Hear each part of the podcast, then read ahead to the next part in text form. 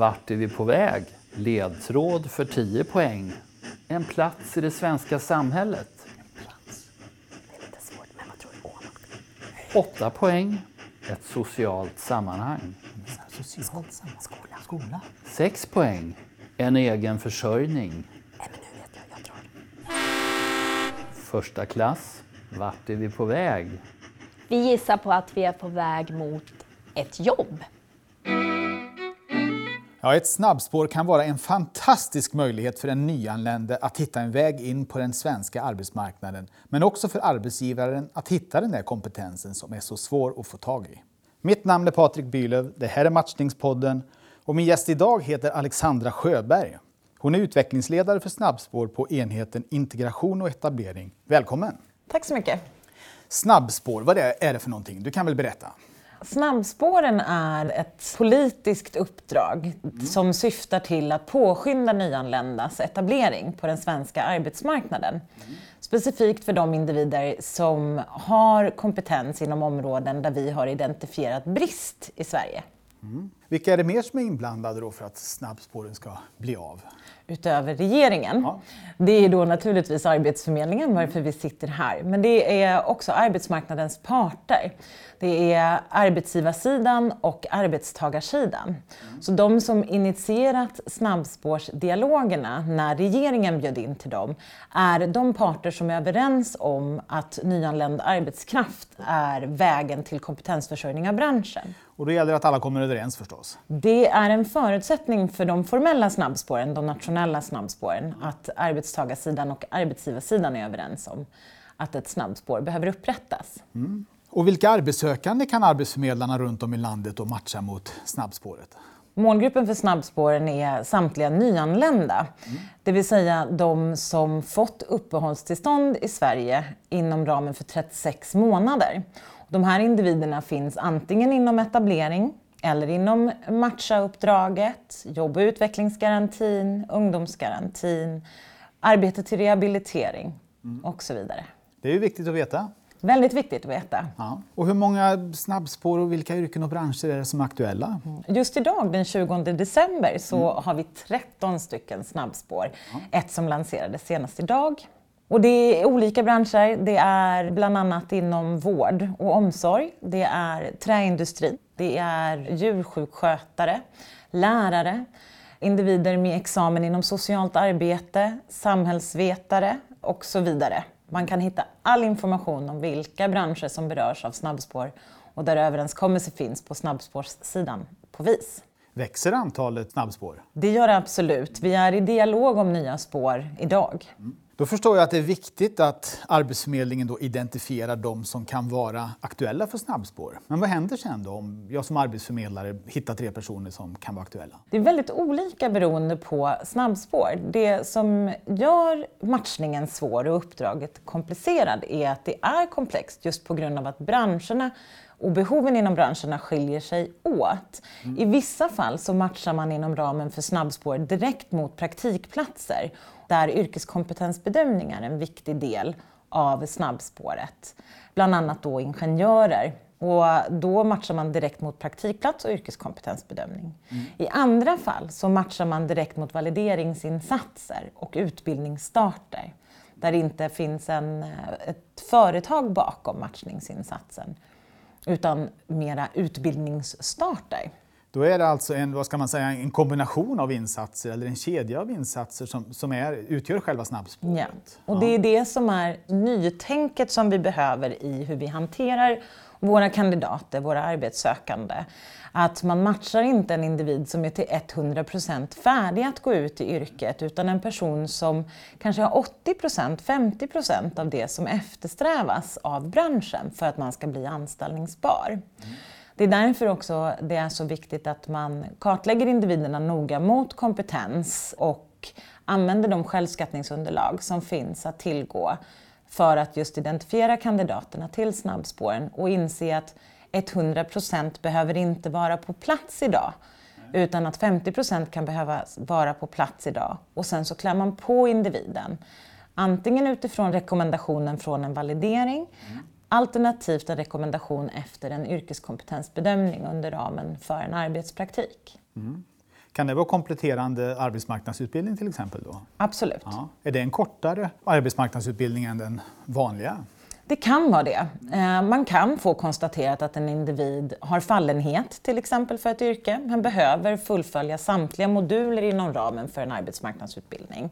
Men man kan också få ett utlåtande tillbaka som säger att eh, Söljeman behöver gå de här fyra av sex modulerna för att kunna valideras igen och sen bli anställningsbar. Så man individanpassar innehållet i arbetsmarknadsutbildningarna beroende på vad utfallet av testet av individen är, så att säga. Bedömningen är.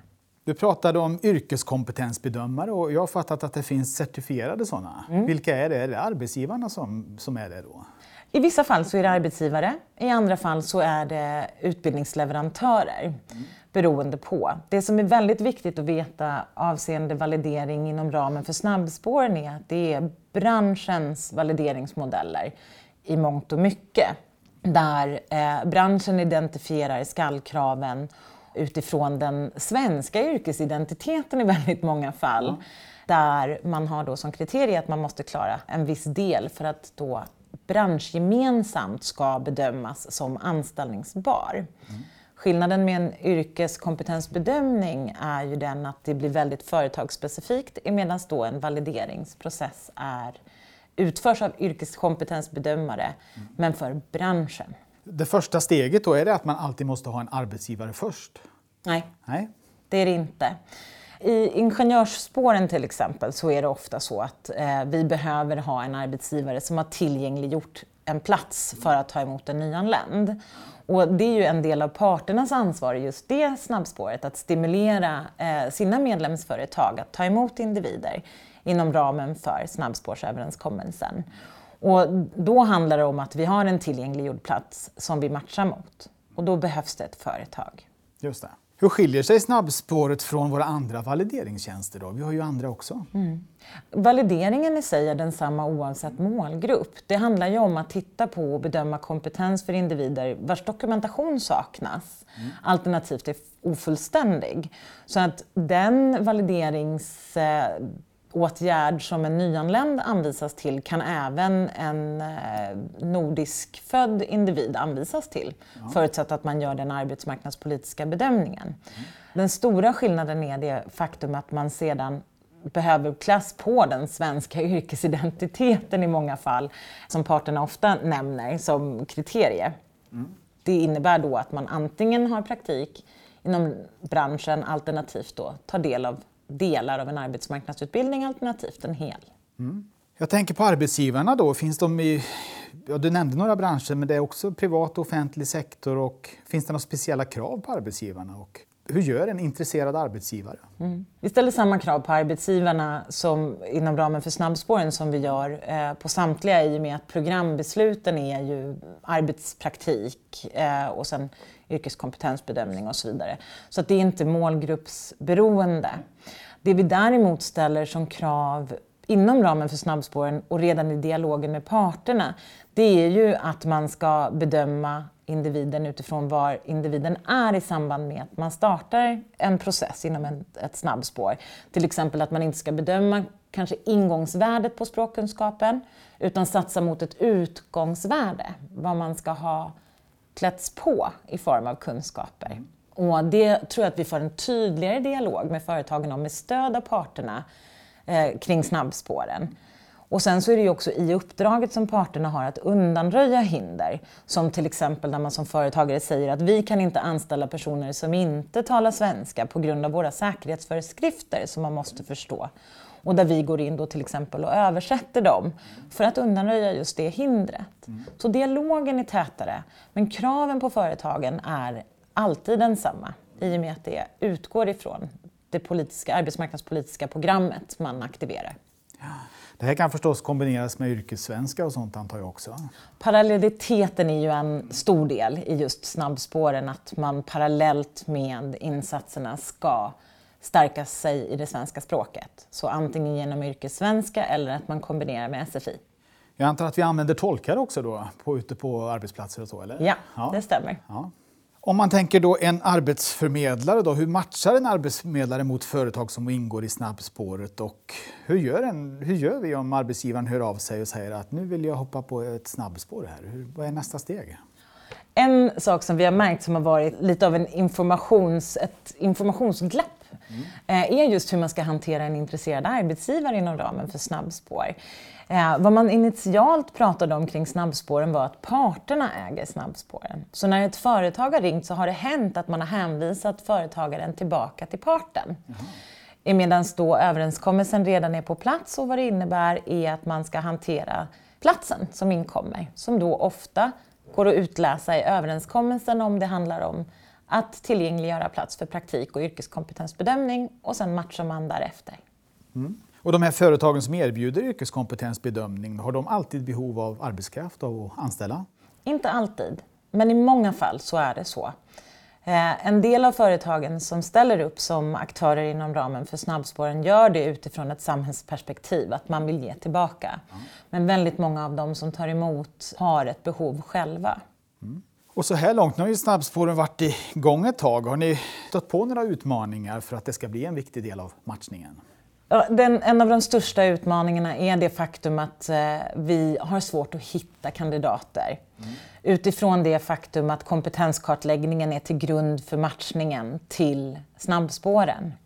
Kandidatleveransen är där snabbspårens framgång ligger.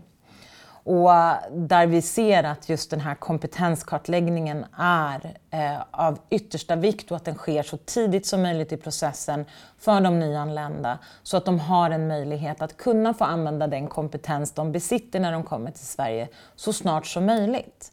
I vissa fall är kompetensen färskvara och behöver omhändertas. Sen är det så att vi är fullständigt medvetna om det faktum att vi inte kan förvänta oss av arbetsförmedlarna utifrån de specifika krav som respektive bransch ställer på kandidaterna, att man ska ha koll på alltihopa. Eh, och det är vi fullständigt medvetna om varför eh, självskattningsunderlagen tas fram som en hjälp i kompetenskartläggningen för att spetsa till matchningen mot snabbspåren.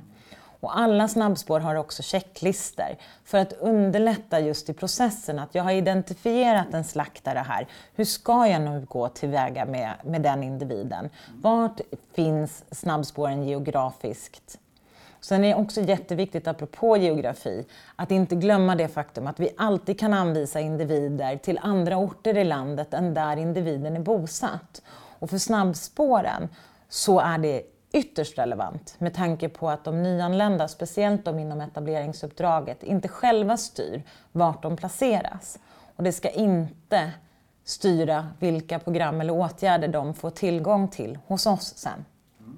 Och om man är osäker och har fler frågor, vart vänder man sig då? Det finns jättemycket svar att hitta på vi-sidan om snabbspår. Mm. Där finns också länkar till alla överenskommelser. Du hittar checklistor och självskattningsunderlagen där. Men även på vår egen hemsida arbetsförmedlingen.se kan man hitta en del information.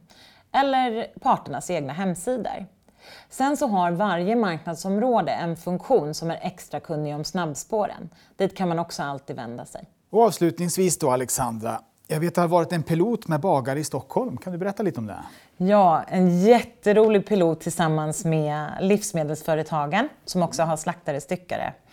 Där eh, bagare omfattas av överenskommelsen. Behovet aktualiserades i samband med att man citat närmar sig lussebullsträsket ja. inom branschen och vi behövde lösa ut eh, möjligheterna kring hur man kunde starta ett snabbspår aktivt med eh, goda kandidater, mm. välmatchade kandidater. Varpå vi eh, pratade med Region Mitt som satte oss i kontakt med Södertäljekontoret där Carl Lundvall, sektionschefen där, utsåg två stycken arbetsförmedlare, Linda Hanna och Ines Abidi, att sköta matchningen till den här piloten. Vilket de gjorde helt fantastiskt med marknadsområdet, samordnaren för snabbspåret. La upp tillsammans hela piloten, resulterade i att man hittade 11 stycken kandidater varav nio stycken kom till aktiviteten.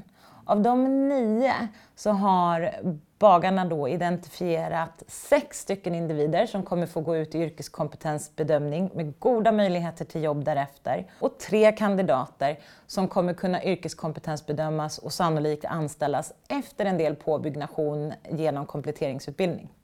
Härligt. Jättekul! En riktig solskenshistoria. Jajamän. Så det handlar alltså om att synliggöra och kartlägga den här kompetensen som finns hos nyanlända och verkligen visa vilken arbetskraftsreserv som finns här. Absolut.